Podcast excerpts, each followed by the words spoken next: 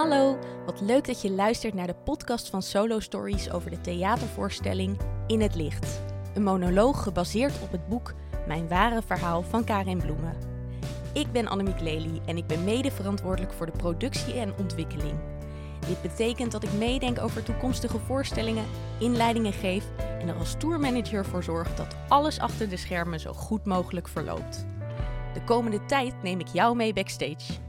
Ik praat met de makers, ervaringsdeskundigen, samenwerkingspartners en anderen die met de thematiek van In het Licht te maken hebben. Veel luisterplezier! Ik ben nu in het UMC in Utrecht en ik ga op bezoek bij Iva Bicanic. Zij is de deskundige op het gebied van seksueel geweld in Nederland. Zij promoveerde op het onderwerp en is inmiddels hoofd van Centrum Seksueel Geweld. Dit is de plek waar je terecht kan op het moment dat je te maken krijgt met seksueel geweld of misbruik. En ik ga haar vragen wat er nou eigenlijk met je gebeurt op het moment dat je te maken krijgt met seksueel geweld of misbruik. Had het voorkomen kunnen worden? Wat kan het Centrum Seksueel Geweld doen om een overlever te helpen? Wie is die dader nou eigenlijk? En wat zijn de grootste aannames over dit onderwerp? Ik ben benieuwd wat Yves me te vertellen heeft. Ik zit uh, in een spreekkamer in het uh, UMC Utrecht, het Wilhelmina Kinderziekenhuis. En tegenover mij zit Iva Bicanic. En Iva die, uh, heeft meerdere functies. Zij is klinisch psycholoog. zij is de hoofd van het psychotraumacentrum hier in Utrecht. En zij is hoofd van het Centrum Seksueel Geweld. Ja. En dat laatste is voornamelijk waarom ik tegenover je zit. Mm. Iva, mag ik aan jou vragen? Het klinkt misschien een beetje cru om het zo te zeggen, maar waar is jouw fascinatie, jouw interesse voor seksueel geweld ontstaan?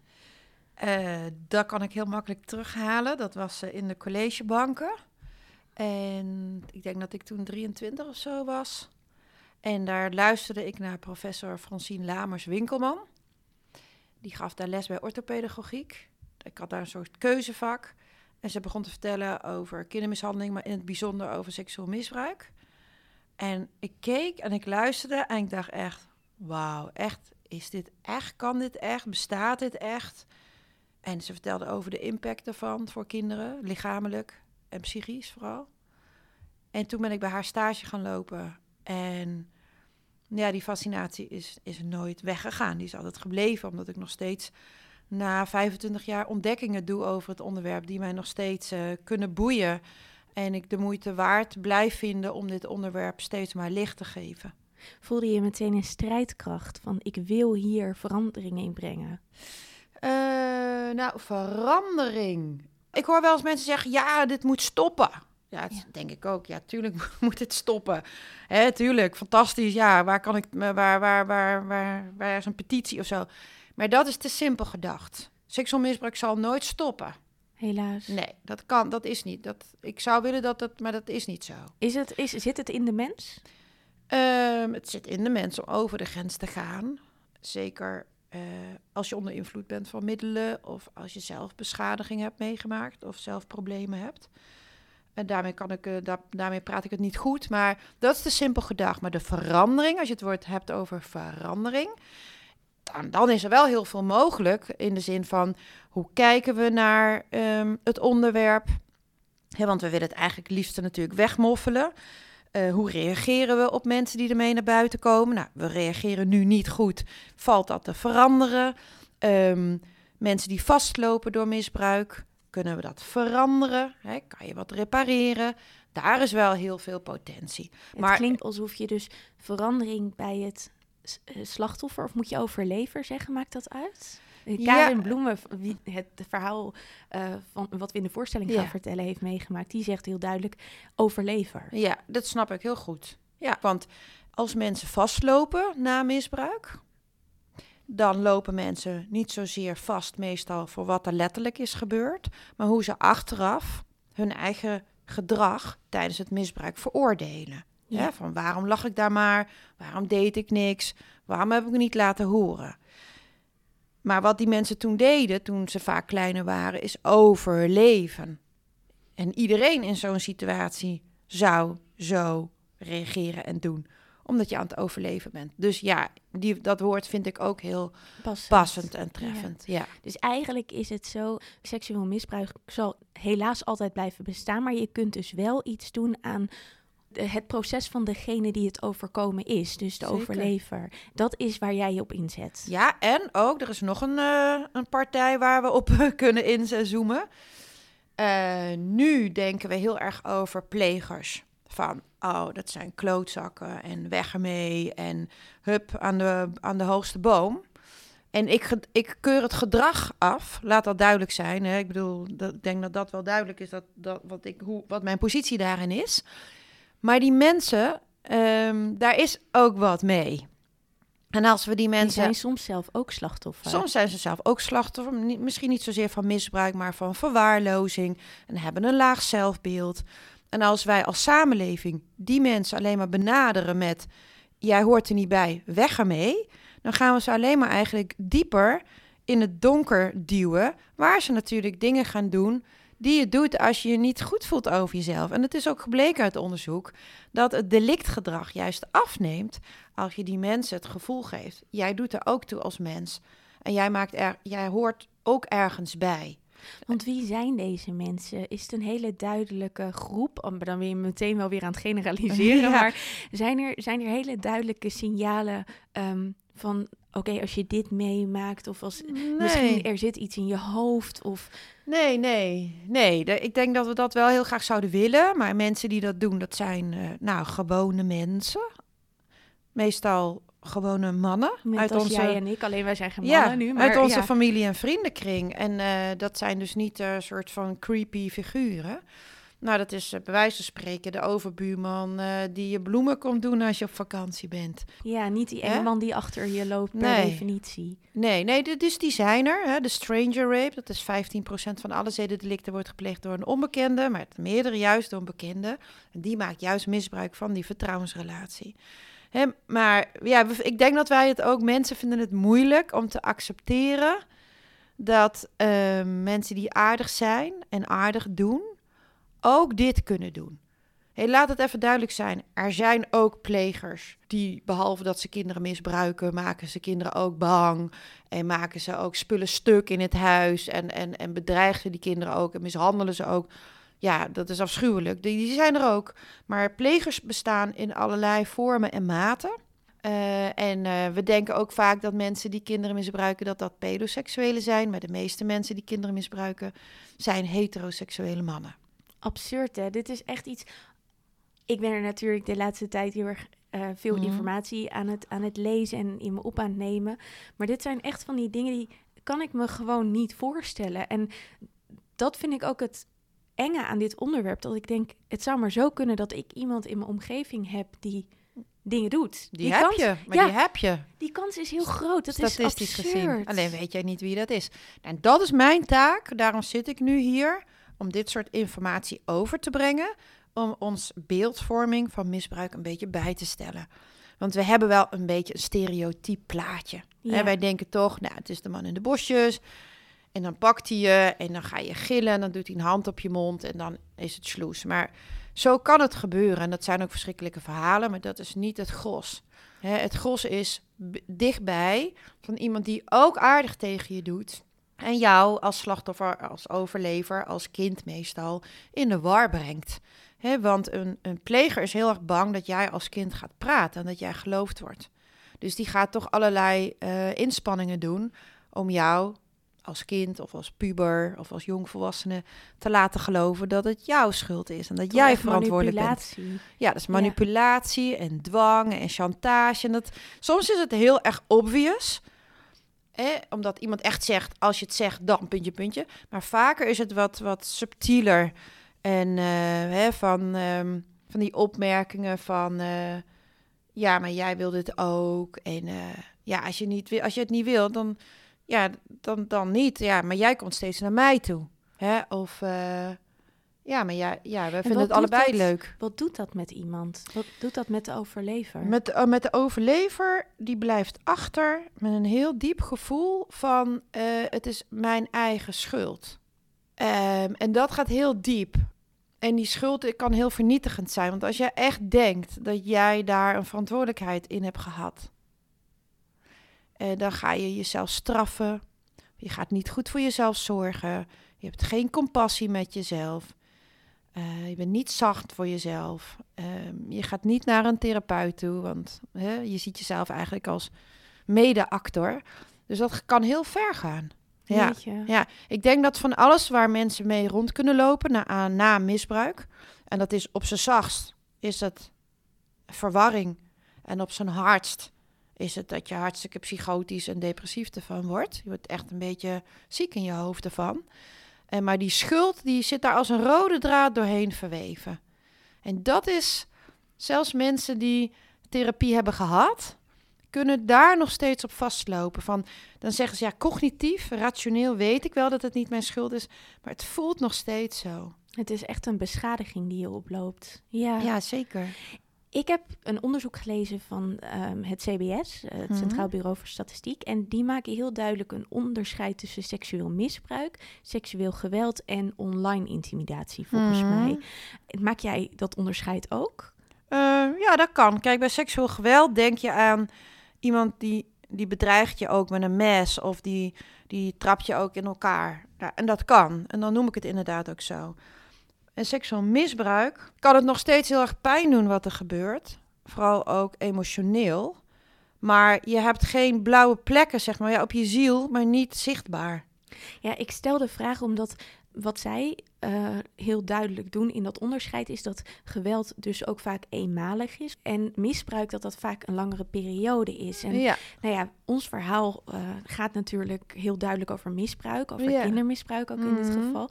Maar je hebt dus heel veel verschillende soorten van seksueel geweld. Reageer je ook anders op bepaalde vormen? Heeft, is het zo dat iemand die jarenlang misbruik ervaren heeft, andere symptomen heeft dan iemand die eh, hmm. van de fiets getrokken is? Het standaard voorbeeld. Hmm. Uh, ja, standaard voorbeeld is al zo naar, want het is gewoon echt er is allemaal... geen standaard, nee. Nee, en het is allemaal even erg. Ja. Nou ja en nee. Ehm, ik heb zelf mijn promotieonderzoek gedaan. heb ik vergeleken eenmalig en meermalig. Want hè, mensen denken vaak, oh jeetje zes jaar misbruikt zijn door je stiefvader, dat is veel erger dan uh, één keer door je ex-vriendje. Maar toen kon ik dus aantonen dat je biologische stresssysteem, je cortisol in speeksel, dat is een stresshormoon, dat het biologische stresssysteem op dezelfde manier ontregeld is als je van die gebeurtenis of gebeurtenissen een posttraumatische stressstoornis overhoudt. Dat het eigenlijk niet uitmaakt wie of wat of hoe lang of zo. En dat vond ik eigenlijk wel fijn, omdat ja, voor mij is er geen gradatie in. Het een is niet erger dan, dan het ander. Dus het typische van mijn werk is dat ik bij wijze van spreken om tien uur iemand binnenkrijg en die is jarenlang misbruikt. En uh, nou, die zegt van, nou, ik, ik kom er wel, want ik heb vriendinnen om me heen en uh, um, ik haal heel veel genoegdoening uit uh, mijn paard of maar ik kan ook een uur later iemand zien, die is even oud. En die was aan het fietsen. En die wordt uh, betast tijdens het fietsen door een voorbijganger. En die is helemaal de weg kwijt. Waarmee ik wil zeggen dat de impact van misbruik echt heel verschillend kan zijn. En ook op verschillende momenten in je leven zich op verschillende manieren kan presenteren. Mhm. Iemand kan na langdurig misbruik 20 jaar klachtenvrij zijn en ineens grijpt het je. Omdat je er later, op latere leeftijd, anders op terug gaat denken. Die denkt, hé, hey, wacht eens even. Omdat je bijvoorbeeld zelf een kind krijgt of dingen gaat lezen. Het verschil tussen misbruik binnen familie en de mis misbruik buiten is wel dat misbruik buiten het gezin het vaker zo is dat mensen achter de overlever staan dan bij misbruik binnen het gezin zie je echt een splijting. Want wordt het complexer. Ja, een polarisatie krijg je dan ook binnen een familie van believers en non-believers. En er zijn best veel kinderen of grote mensen die onthuld hebben over misbruik binnen een gezin of binnen een familie. En die daar ook echt heel veel spijt van hebben, omdat de situatie daarna voor hen eigenlijk nog veel erger is geworden. Onveiliger. Omdat ze, nou, niet onveiliger, maar als jij niet geloofd wordt, dat is, dat is je kan niet zeggen nog erger, maar het is van een andere categorie erg. Dan ben je eigenlijk een wees. Als jij door je eigen familie, je eigen bloed niet geloofd wordt en weggezet wordt als een fantast of als een leugenaar, ja, dan ben je eigenlijk een wees. En als je je een wees voelt, dan kan je ook heel depressief van worden. Dus De consequenties zijn dan echt enorm voor het feit dat je eerlijk bent. Terwijl je al iets verschrikkelijks overkomen is. eh, ja, het gaat niet over eerlijk zijn. Zolang je het niet hebt verteld nog, zit het in je eigen hoofd. En dat is soort van veilig. Op het moment dat je het gaat vertellen, en het is gewoon jouw verhaal. En jij weet natuurlijk wat er is gebeurd. Want het is jou overkomen, jij was erbij. Ja, soms dissocieerde je misschien ook, maar je was wel bij. Je weet donders goed wat er is gebeurd. Want dissociatie is dat je, Dat je eh, uit je eigen hoofd... Ja, dat je, dat je een soort van ehm, je op iets anders concentreert of ehm, eh, doet alsof iemand anders daar ligt om jezelf te beschermen. En dat doe je niet eens bewust vaak, toch? Nee, dat gebeurt vanzelf. En je vroeg net van wat is het verschil tussen eenmalig en meermalig. Kijk, langdurig misbruik door iemand die je heel goed kent, gebeurt niet van de ene op de andere dag. Dat, gaat, dat begint met iets heel subtiels. Hè? Dus het begint meer met een bondje wordt gemaakt. Of het bondje is er al. En er worden bijvoorbeeld eh, geheimen toevertrouwd. Of je hebt het gevoel als kind of als overlever, er wordt naar mij geluisterd. Of ik ben speciaal. Of ehm, je voelt je speciaal bij die persoon. Of je krijgt iets van die persoon wat je van niemand anders krijgt. Kan aandacht zijn, maar kan ook sigaretten zijn. Of... En dan gaat het een keertje over de grens. Maar je hebt, dat, je hebt het nog niet echt door. Of je ziet het wel, maar je denkt, hm, heb ik het nou verkeerd gezien? Dus dat gaat niet van de een op de andere dag, zoals bij eenmalig seksueel geweld door je ex-vriendje. Dat is er een soort voor en na. Maar bij langdurig misbruik weten mensen vaak niet meer precies wanneer is het nou precies begonnen, omdat het een soort vage, glijdende schaal is. Dus ik heb nu bijvoorbeeld eh, ook iemand die weet niet meer precies wanneer het nou begon, maar die weet wel bijvoorbeeld heel goed wanneer het stopte. Ja, precies. Snap je? Ja, Dus omdat, omdat je dan misschien ook iets moet doen om het te laten stoppen. Ja, Ik ben benieuwd, want ik zei natuurlijk al van... jij bent eh, hoofd van het Centrum Seksueel Geweld. Als jou dit overkomt en je klopt aan bij Centrum Seksueel Geweld... Mhm. wat gebeurt er dan? Ik denk Mm. dat heel veel mensen daar nou, toch best wel ehm, een beeld bij hebben van... oh ja, eh, dan komt de politie erbij en weet... eh, Oh, nou, het, het schrikt ja. soms een beetje af. Maar ja. kun je mij meenemen? Stel nou, ik kom hier aan en ik zeg... ik ben verkracht Ja. of ik ben misbruikt. Ja. Nou, de meeste mensen maken contact met het Centrum Seksueel Geweld via het telefoonnummer. Dus die bellen naar 0800 0188. Dat is 24/7 bereikbaar voor heel Nederland. Dan zal er gevraagd worden van wanneer is het gebeurd? Want de timing is heel erg belangrijk. Als het namelijk korter dan zeven dagen geleden is gebeurd de laatste keer, dan hebben wij een andere werkwijze dan wanneer het langer dan zeven dagen geleden is gebeurd. Nou, als het korter dan zeven dagen geleden is gebeurd, dan kan het zijn dat er nog sporen veiliggesteld kunnen worden. Dan kan het zijn dat we nog medicatie kunnen geven om te voorkomen dat iemand besmet is met een SOA of een HIV. Of kunnen nog voorkomen dat iemand zwanger wordt. En dan vragen we, wil je contact met de politie? Dus dat is een vraag. Dat hoeft niet Nee. per definitie. Nee. precies. Nee, maar we vragen de, de, de, stellen de vraag wel heel snel. Omdat als iemand zegt ja, dat wil ik, dan zorgen we er heel meteen voor dat iemand dus in contact komt met de politie. En dan, dan zijn wij eventjes, maken wij even plaats voor de politie. Want wij willen dan niet dat proces verstoren. En blijf je iemand dan in die zin Ja. wel eh, ondersteunen? Want Ja. het is natuurlijk best ja. heftig zo ineens. Zeker weten, nee, 100% zeker. Dus stel iemand belt. Nou, jij belt en je zegt, nou, het is eergisteren gebeurd. En dan zeg ik, nou, wat goed dat je belt. En eh, eh, we kunnen dit en dit en dit voor jou doen. Wil je contact met de politie? En dan zeg jij van, nou, dat vind ik wel spannend, maar dat wil ik wel. Want er hoeft nog niks. Dan zeg ik, oké, nou, dan ga ik jou in contact brengen met de politie.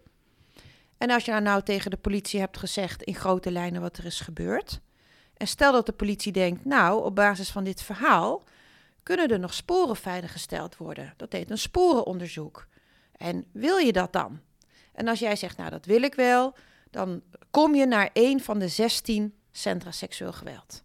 Daarna heb ik jou weer aan de lijn en dan leg ik jou uit van, nou, je moet zo en zo laat naar die en die plek komen. En daar komt de politie, hè, dus de zederechercheur, en een forensisch rechercheur en een forensisch arts. Die zijn er. En er is een verpleegkundige, die gaat jou welkom heten. En die gaat steeds aan jou vragen. Die gaat dit- voor je zorgen. Die gaat voor je zorgen. Die blijft ook bij jou zolang als dat onderzoek duurt. Fijn zeg. Ja. ja. Dus die vraagt ook steeds van, nou, we gaan nu dat en dat doen. Wil je dat nog steeds? Want je moet ook steeds toestemming geven. En als je dat wil, dan is, liggen er ook schone kleren of een douche. Als je, kan je, dat kan allemaal, maar de meeste mensen willen gewoon na dat onderzoek gewoon snel naar huis of naar een veilige plek. En daarna krijgt iedereen die ons belt in die acute fase, die krijgt een case manager.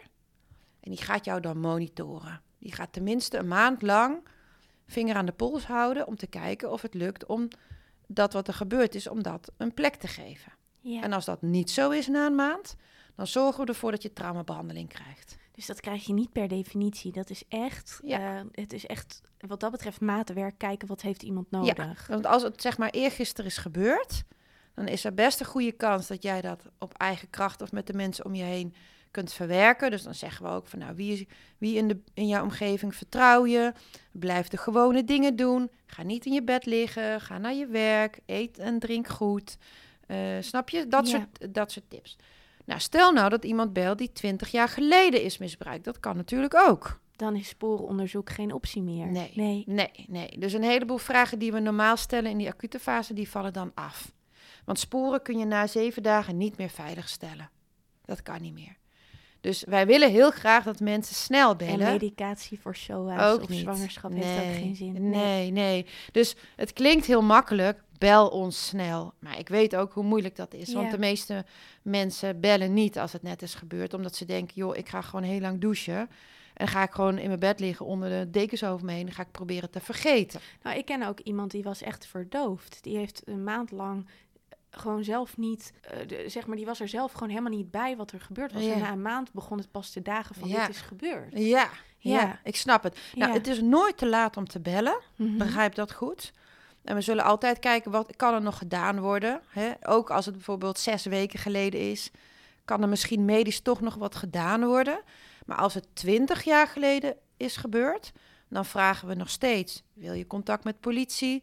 Heb je lichamelijke klachten? Wil je contact met een arts? Maar de meeste mensen bellen omdat ze psychisch zijn vastgelopen. En wat kunnen jullie dan doen? Want dan psychotraumatherapie. En ja. zijn er nog meer dingen waarvan je zegt van... goh, we merken dat overlevers daar behoefte aan hebben? Ja.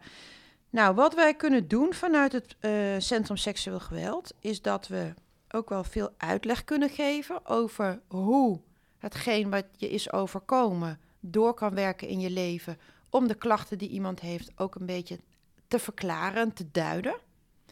Mensen kunnen op de site van het Centrum Seksueel Geweld vlogs kijken.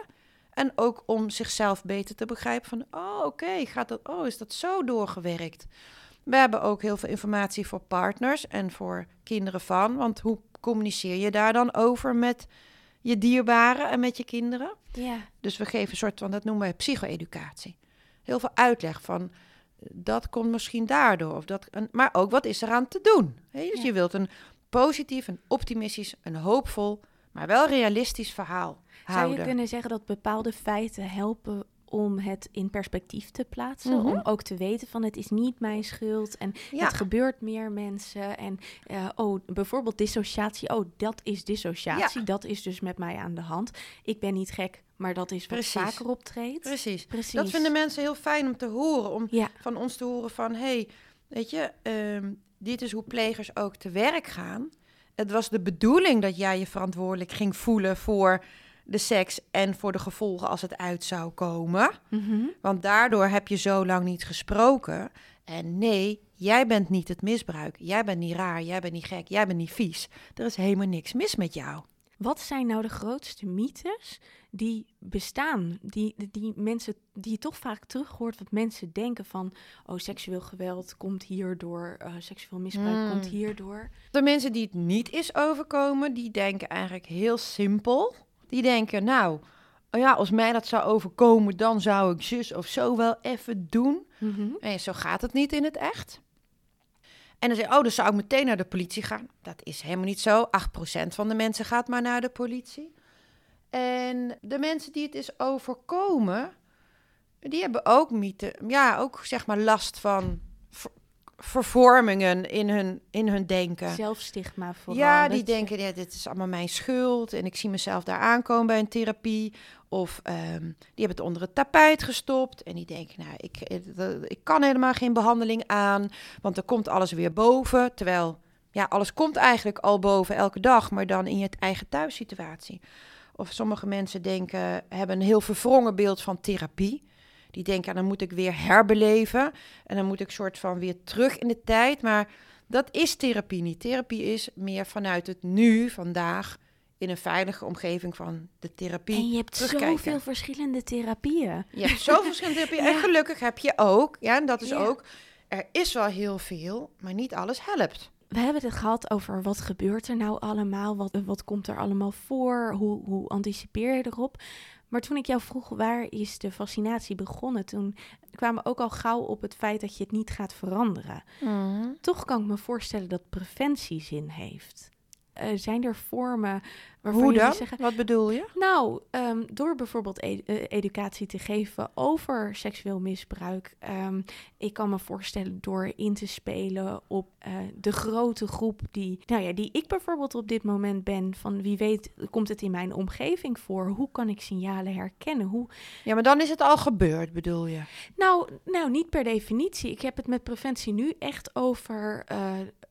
wij zitten hier nu. Mhm. Er zijn heel veel mensen in de wereld die het misschien op dit moment overkomt. Mhm. Hoe gaan we nou als maatschappij hiermee om? Ja, maar dan heb ik twee soorten preventie. Je hebt primaire preventie en voorkomen dat het gebeurt. Mhm. Daarover hebben wij vooralsnog geen e- evidence, geen bewijs voor dat we dat kunnen beïnvloeden. Dan heb je secundaire preventie. Het is al gebeurd. Hoe kunnen we ervoor zorgen dat meer mensen het gaan vertellen? Ja, daar ben ik wel heel erg hoopvol over. Ah ja, oké. Maar de primaire preventie hebben we tot de dag vandaag niet zoveel bewijs voor dat we dat goed kunnen beïnvloeden. Alhoewel er één studie is onder jonge vrouwen uit eh, Canada. Eh, want daar heb je de zogenaamde campus rape. En dan blijkt dat ja, echt een heel groot deel van de eerstejaarsstudenten, vrouwelijke eerstejaarsstudenten, een aanranding of verkrachting meemaakt. En dan bleek dan dat als die een soort training zouden doorlopen, waarbij je bepaalde scenario's al voorstelt en bepaalde eh, overtuigingen van als je denkt, oh mijn date die heeft me en opgehaald en mijn kolen betaald en mijn bioscoopkaartje betaald en hij brengt me naar huis. Dus nu moet ik. Dus nu moet Ja. ik, als je daar eh, meer waarde aan hecht, dat soort traditionele opvattingen, dat dan de kans ook groter is dat dat gebeurt. Maar dat zijn allemaal interventies weer gericht op de vrouwen hè? en niet zozeer op degene die het doen. Dus mijn hoop zit hem in de secundaire preventie. Het leed is al geschied. Hoe kunnen we er nou voor zorgen dat mensen eh, ermee naar buiten komen? Net zo normaal als wanneer ik een beroving of een ongeval meemaak of iemand breekt mijn huis in. Dat vinden we doodnormaal om dat te delen. En dan ga ik gewoon tegen jou zeggen, nou weet je wat mij is overkomen? En dan ga jij gewoon steunend reageren. Ja, dus daar ben ik wel heel erg hoopvol over dat we dat wel eh, kunnen gaan doen. Dat we goed gaan reageren op mensen die dit is overkomen. En dat het een meer bespreekbaar onderwerp gaat worden dan het eh, tot nu toe is geweest. Ik hoop heel erg dat onze voorstelling daar ook aan bij kan dragen. Hmm, dat hoop ik ook. Dankjewel, Iva. En eh, tot op de première. Ja, graag gedaan. Wil je naar In het Licht komen kijken? De voorstelling is van 10 februari tot 3 juni te zien in de Nederlandse theaters. Ga naar solostories.nl om een kaartje te bestellen. Leuk om je in de foyer te zien. Kom je na afloop naar me toe om te vertellen wat je van de voorstelling vond? Of via onze socials? Tot dan!